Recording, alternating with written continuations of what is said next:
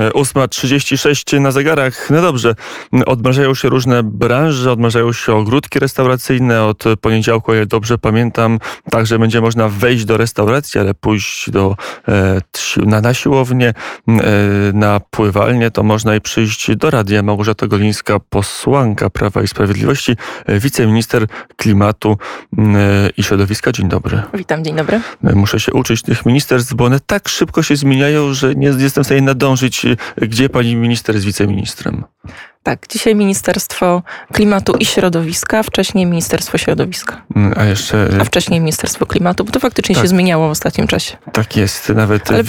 jest taki już e, wytrych słowny, że pani minister zajmuje się przyrodą w różnych, e, w, w, w różnych ministerstwach. Tak, bo to nie kwestia e, nazwy resortu, w którym się jest, natomiast kwestia zadań, które zostają postawione przed wiceministrami. Moimi zadaniami od początku, czyli od 2018 2018 roku, pewnie z krótką przerwą w 2020 roku, była odpowiedzialność za mm, ochronę przyrody, w tym parki narodowe. Nawet wiemy, dlaczego była ta e, przerwa. Zresztą e, była pani jedyną odważną posłanką, która zagłosowała inaczej niż linia partii. Teraz to jest modne, ale jak pani to robiła, to nie było takie mądre, była pani trendseterem. Nie wiązałabym tego w żaden sposób ze sobą, dlatego że ta przerwa e, w 2020 roku wynikała z jakby decyzji o tym, że Ministerstwo Środowiska będzie w rękach Solidarnej Polski, a tam jakby minister Michał Woś wziął na siebie właściwie większość zadań kompetencyjnych i jakby to była no jego decyzja. No dobrze, zaczynamy być enigmatycznie, a to niedobre dla radiosłuchaczy, a e, zacznijmy od spraw prostych. Dzisiaj Rzeczpospolita e, Jarosław Gowin mówi, że jeżeli e, PiS chce rządzić z lewicą, to to jest koniec obozu rządzącego, koniec Zjednoczonej Prawicy. Pani poseł jest gotowa rządzić z lewicą?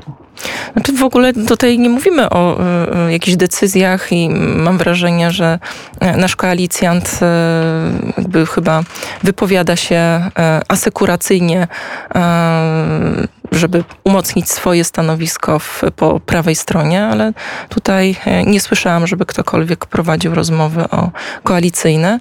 E, natomiast e, jak widać, dla nas najważniejsze jest to, żeby podejmować działania ważne dla Polski. Stąd prezentacja nowych programów, nowych zapowiedzi, propozycja na te wyzwania, które, z którymi już dzisiaj się mierzymy z którymi będziemy się mierzyć pewnie dłuższy czas po COVID-zie. W związku z tym na tym się dzisiaj koncentrujemy, to jest najważniejsze. Mm, ale cały czas jest tak, że co jakiś program nie zgłosicie, to jest e, kłopot z koalicjantami. E, już był Nowy Ład, było podpisanie porozumienia. Ile minęło? Parę dni? Tydzień? Tydzień z okładem i Jarosław Gowin mówi, że jednak się nie zgadza na Nowy Ład podatkowy. No to trzeba pytać e, pana e, premiera Gowina, e, dlaczego wcześniej się zgodził, teraz się nie zgadza. Natomiast ważna kwestia jest też taka, którą zapowiedział pan premier Morawiecki w trakcie prezentacji Polskiego Ładu, że my z tym programem ruszamy w teren, będziemy rozmawiać, być może wprowadzać jeszcze jakieś zmiany po rozmowach z obywatelami. I, I myślę, że też ta dyskusja, którą podejmuje pan premier Gowin, to jest pewnego rodzaju udział w, mm, w, tej, w tych konsultacjach, e, o których mówił pan premier Morawiecki. Ja bym tutaj nie widziała e, dużych zagrożeń, dlatego że no każdy z e, naszych koalicjantów podpisał się pod wspólną deklaracją, że ten ład będziemy realizować razem. A z drugiej strony jest tak, że pani poseł jest drugą kadencję i to jest ciekawe, że ta kadencja chyba się różni od pierwszej, jeśli chodzi o politykę i spójność obozu rządzącego, prawda? Myślę, że każdy to widzi, że, mm, że jest to dla nas trudniejsza mm, kadencja. Myślę, że też te e, zupełnie inne wyzwania zewnętrzne spowodowały, że, mm, że jakby część e, polityków, w tym pewnie koalicjanci, e, starają się mm, w jakiś sposób podkreślić swoją niezależność. Mm, być może, jakby biorąc pod uwagę przyszłe wybory. Tutaj trudno mi wchodzić w ich buty, natomiast dla mnie najważniejsze jest to, żebyśmy my zachowywali się jak pewna wspólna grupa, dla której, którą łączą wspólne idee. Jeżeli porównamy nas do, nie wiem, na przykład kamieni, to kamienie, które poukładamy regularnie i wspólnie możemy coś mocnego zbudować na lata, natomiast również kamienie, jeśli będą źle używane, mogą być powodem poważnych szkód. W związku z tym... Jarosław Gowin jest kamieniem, który pasuje do waszej mozaiki, do waszej układanki, czy wprowadza dysharmonię? Dotychczas, jak widać przez te ostatnie lata, dobrze podejmujemy działania dla Polski, które są dobrze odbierane przez obywateli. Zostało to zweryfikowane w trakcie już niejednych wyborów. W związku z tym wydaje się, że nawet jeśli są wewnętrzne dyskusje, to cele są realizowane i to jest najważniejsze i myślę, że również Polski Ład i e, zapowiedzi, które tam się e, znajdują, dobrze odbierane przez e, obywateli, są jakby pokazem tego, że chcemy iść razem, będziemy iść razem i wspólnie realizować to, co jest ważne dla Polski. To skonkludujmy tą prostą historię polityczną. Ta koalicja wytrzyma do jesieni roku 2023? No, nikt pewnie dzisiaj nie e, podejmie e, się, żeby złożyć taką deklarację. Już na pewno e, nie ja. Może jestem niezbyt długo w polityce, ale wystarczająco długo, żeby wiedzieć, że w polityce nie mówi się zawsze i nie mówi się nigdy. No dobrze, to teraz przejdźmy do tematu, który ożywiał naszą politykę w ostatnich dniach. Elektrownia Turów, decyzja jednoosobowa Trybunału Sprawiedliwości Unii Europejskiej. Pani minister nie jest osobą najbardziej odpowiedzialną w rządzie za ten projekt, ale miała Pani swoje trzy grosze jako wiceminister e, klimatu i środowiska. Jak to wygląda z Pani poseł perspektywy? Ktoś zaspał, ktoś nie dopełnił obowiązków? Proszę zwrócić uwagę, że już w 2015 roku poszedł sygnał ze strony e, Polski do naszych sąsiadów, że koncesja naturów e, jest planowana, jeśli chodzi o jej odnowienie i od tamtego czasu są prowadzone rozmowy pomiędzy chociażby generalnym dyrektorem ochrony środowiska czy regionalnym dyrektorem ochrony środowiska wcześniej, na temat raportu o oddziaływaniu na środowisku, tego co się w tym raporcie powinno znaleźć i zwracam uwagę, że od samego początku strona czeska bierze udział y, w tych rozmowach. Mało tego, zawartość samego raportu nie tylko była z nimi konsultowana, ale jakby ich uwagi zostały wprost, czy ich oczekiwania zapisane w raporcie. Mało to tego. Skąd skarga do TSUE? Myślę, że jakby trzeba mm, pewne e, aspekty mm, oceniać nie tylko merytorycznie, ale również politycznie i tutaj dużą e, rolę e, gra polityka. Trzeba obserwować, co się dzieje u naszych, u naszych sąsiadów. No nie my zainicjowaliśmy mm, ten spór na arenie międzynarodowej. A to nie jest prosta odpowiedź? To jest tym... kwestia czeska, oni mają wybory i wiecie państwo, oni tak wyborami zagrali sobie tym CUE. To nie jest tak, że państwo zrzucają jako rząd polski z siebie odpowiedzialność i taką to Gdybyśmy zrzucili z siebie odpowiedzialność, to byśmy e, od początku lekceważyli oczekiwania e, strony czeskiej, ich obawy związane z, z przedłużeniem tej koncesji, a tak nie jest. E, zwracam uwagę, że w trakcie tych postępowań o wydanie decyzji środowiskowej Polska nie tylko dochowała wszelkich zapisów dyrektyw czy konwencji, ale nawet podjęła działania wychodzące poza przepisy, jakby zgadzając się wielokrotnie na przedłużanie terminów, wpisując pewne, pewne zadania e, porealizacyjne e, do, mm, do decyzji środowiskowej na prośbę czy na wniosek e, strony czeskiej. Nie dlatego, że stwierdzaliśmy znacząco negatywny wpływ tej inwestycji, bo tego nie stwierdzono, natomiast po to, żeby pewnego, jakby dać sygnał stronie czeskiej, że naprawdę liczymy się z obywatelami i polskimi, i czeskimi, to którzy graniczą. Skoro tak byliście koncyliacyjni, to musiała was strasznie zdziwić i zaskoczyć decyzja TSUE. Ja bym odróżniała e, dwie rzeczy. Decyzja e, e, pani też nazwiska sędzi pani sędzi, nie z, sobie. Z, z TSUE jest, jest może nie tyle zaskoczeniem, bo przecież...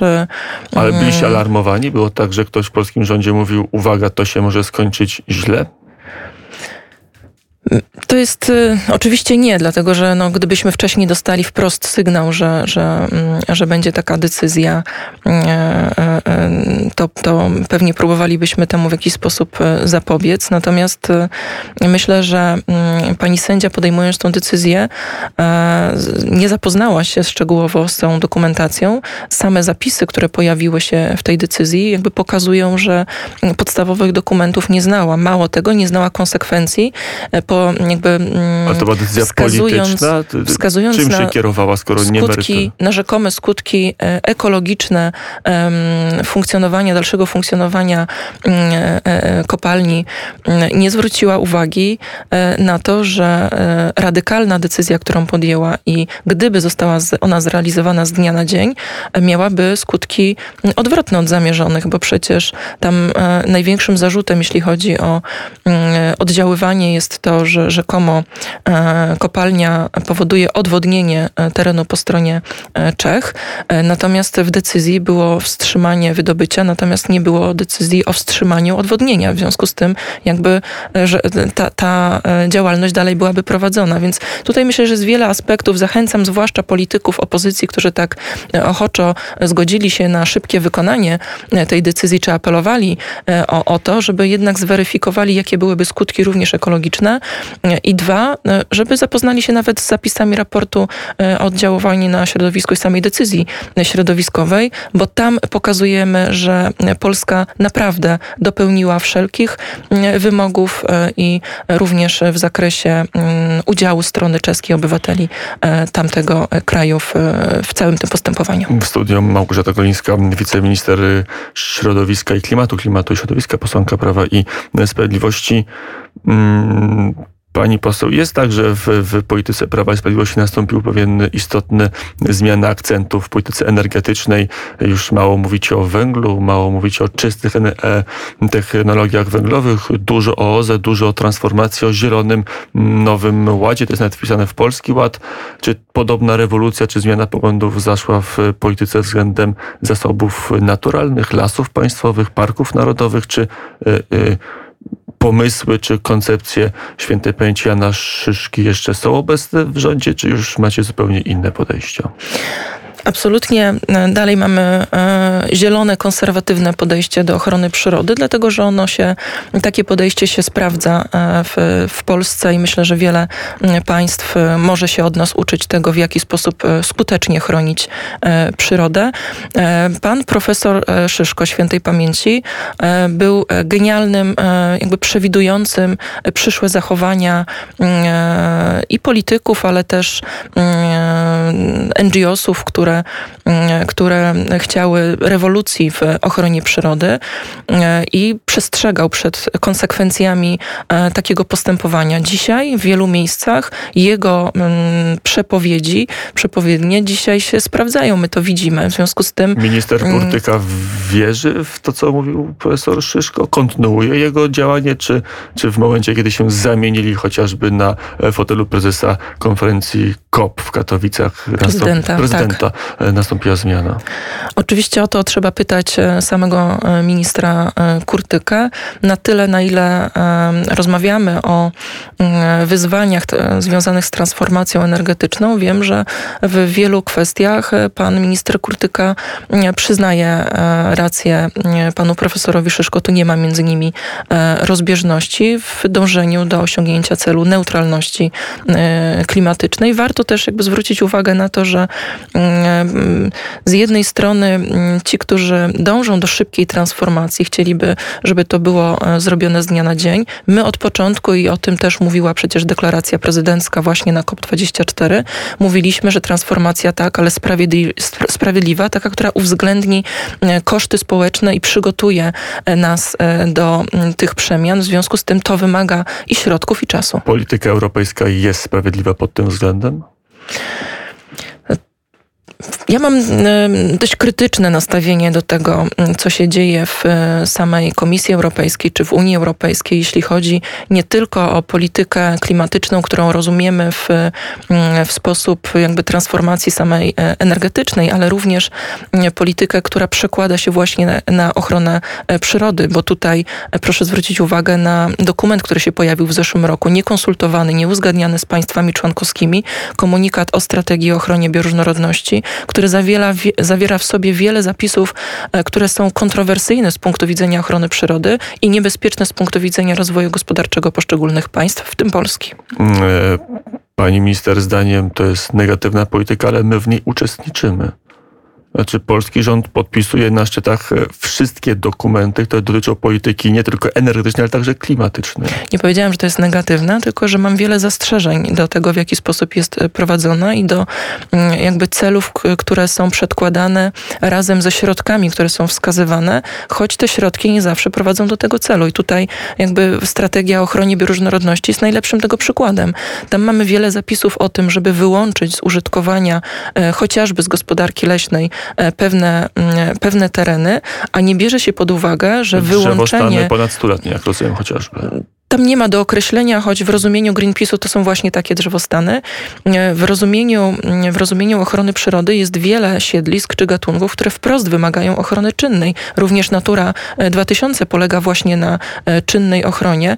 W związku z tym mam wrażenie, że ktoś nie przemyślał e, konsekwencji, ktoś nie przemyślał też skutków, e, chociażby polegających na tym, że wstrzymanie pozyskania na tak dużej powierzchni wcale nie spowoduje, że spadnie nam zapotrzebowanie na drewno, a skoro nie spadnie, to znaczy to drewno skądś trzeba będzie wziąć. Być może, i to są najbardziej prawdopodobne kierunki, będziemy je sprowadzać z krajów, gdzie polityka środowiskowa jest o dużo mniejszej, e, mniejszych rygorach, jeśli chodzi o ochronę e, przyrody, czyli konsekwencje będą dokładnie odwrotne. Mało tego, bardzo często jest tak, że zaniechanie działań typu... obniża nam e, bioróżnorodność, bogactwo różnorodności, a przecież celem strategii jest coś innego. Ale to jest o tyle ciekawe, że dokumenty unijne sobie, jak rozumiem, one są niejasne, a będą je dookreślać NGOs, jak chociażby Greenpeace, jak rozumiem. E, na dziś komunikat tak to będzie jest. praktycznie wyglądać? E, na dziś komunikat jest dokumentem niewiążącym i o to też widziałam, że NGOsy mają pretensje. W związku z tym e, spodziewamy się, że wcześniej czy później, pewnie wcześniej właśnie pod naciskiem NGOsów będą powstawały poszczególne rozporządzenia, być może dyrektywy, które będą miały już bardziej szczegółowe zapisy. Zwłaszcza, że w samej strategii jest również dążenie do tego, żeby e, zwiększyć e, konsekwencje Komisji Europejskiej w weryfikacji wdrażania poszczególnych zapisów w krajach członkowskich. Więc myślę, że mm, tutaj niezwykle ważna rola e, każdego z państw członkowskich, bo przecież my jesteśmy w kontakcie, mm, zwłaszcza z tymi, którzy są po, mm, e, po, po naj, najbliżsi nam, e, również mentalnie czy historycznie i wiemy, jak nasze podejście jest bliskie ich podejściu w kształtowaniu ochrony przyrody i że obawy, które my zgłaszamy, zgłaszają również inne państwa. Ochrona chociażby. przyrody to jest teraz bardzo modny temat rośnie nowa partia Szymona Hołowni, już wyprzedziła dawno Platformę w sondażach, jest drugą najpopularniejszą partią w Polsce. W zasadzie jest nową wersją czy mutacją Partii Zielonych. Jak się patrzy na program, na wypowiedzi, to jest partia, która rośnie właśnie na ochronie klimatu. Jej działacze, na przykład chociażby ostatnio w województwie świętokrzyskim zdaje się mieli akcję, że chodzili i patrzyli, które drzewo może być pomnikiem przyrody. To chyba słuszna, e, słuszny, e, słuszny kierunek, a, a z drugiej strony chyba trochę sprzeczny z podejściem polskich polskich leśników?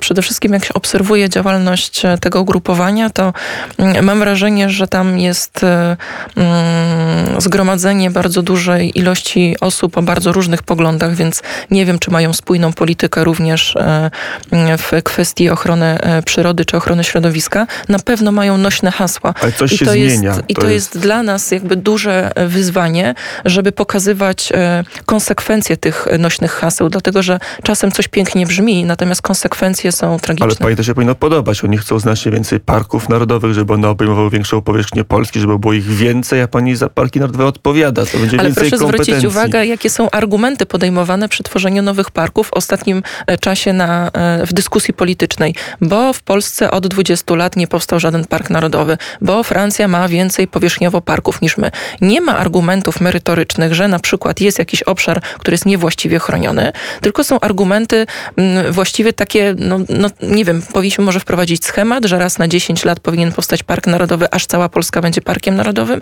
Jakby no, nie ma pewnego A to rodzaju... byłoby źle, gdy pani minister by zarządzała całym krajem. Sympatycznie.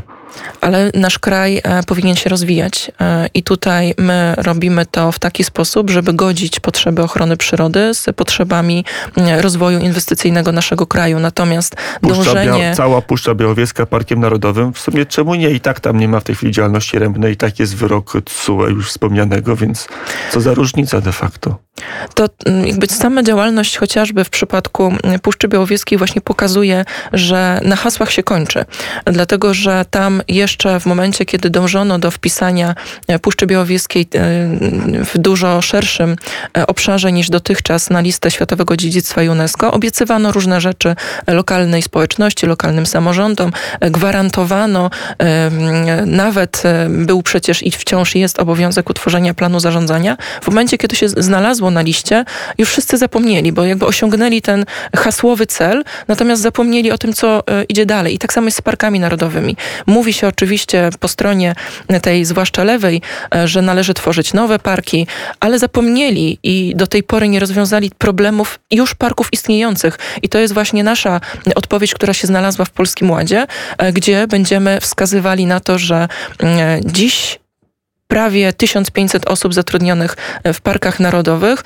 To są e, pracownicy, o których e, każdy sobie przypomina, kiedy mówi o nowym parku, ale ich problemy, o których oni mówią od wielu lat, są, są nierozwiązane. My- je będziemy rozwiązywać chociażby w nowej ustawie o parkach narodowej, o parkach narodowych, ustawie, której dotychczas nie było w porządku prawnym i to robi ta konserwatywna część ochroniarzy i przyrodników po prawej stronie sceny politycznej, więc my nie tylko nośne hasła, ale e, działania i mam nadzieję, że za, tym, za tą ustawą zagłosuje e, cały Sejm, nie Pani tylko prawa minister jest, zdaje się, jedynym leśnikiem w polskim rządzie, a lasy państwowe pani odebrano, podlegają ministrowi Siarce.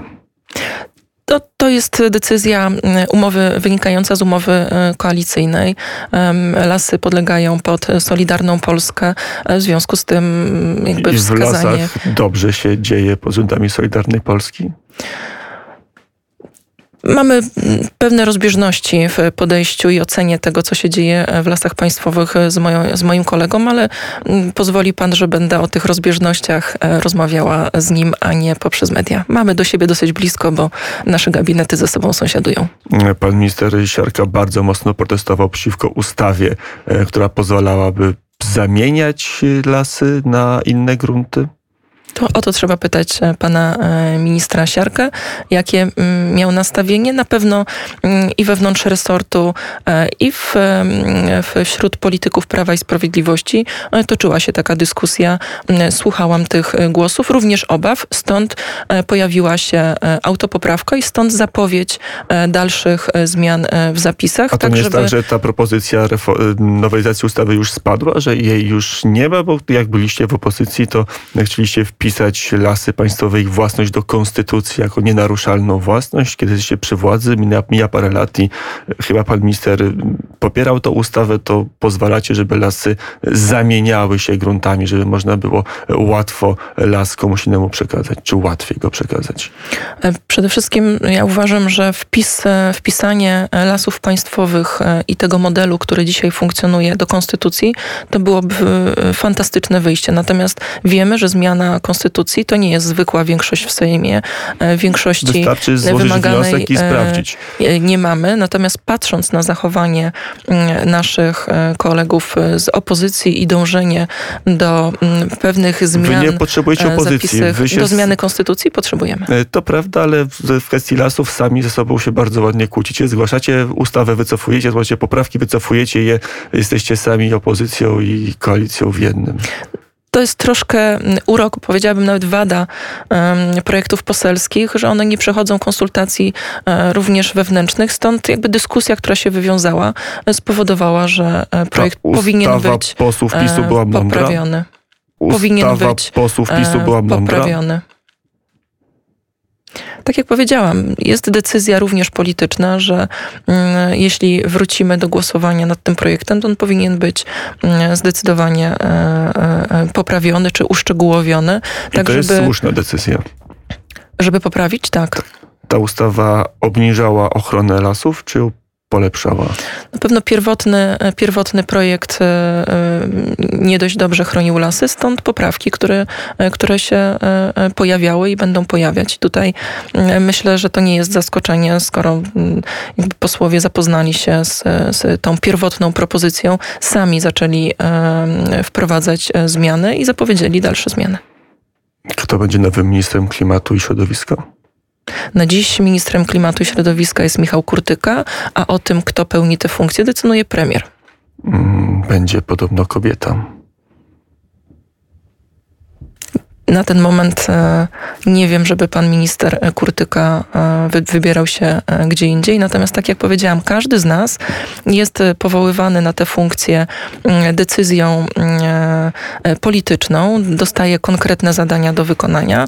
E, Czasem e, zostają e, postawione przed nami nowe zadania. Być może wiąże się to ze zmianą stanowiska, ale od tego to są decyzje e, e, pana e, premiera i każdy z nas wie, że pełni swoją funkcję czasowo. I pana prezesa Jarosława Kaczyńskiego. I pana premiera, e, prezesa e, Kaczyńskiego jako szefa Boku. naszej formacji E, e, politycznej. Dzięki. Niektórzy by dodali. Minuta po godzinie dziewiątej. Kończymy poranek wnet. Małgorzata Golińska, poseł Prawa i Sprawiedliwości ze Szczecinka, wiceminister klimatu i środowiska była gościem poranka wnet. Dziękuję. Dziękuję. No dobrze, my spóźnieni się żegnamy. Za chwilę serwis informacyjny.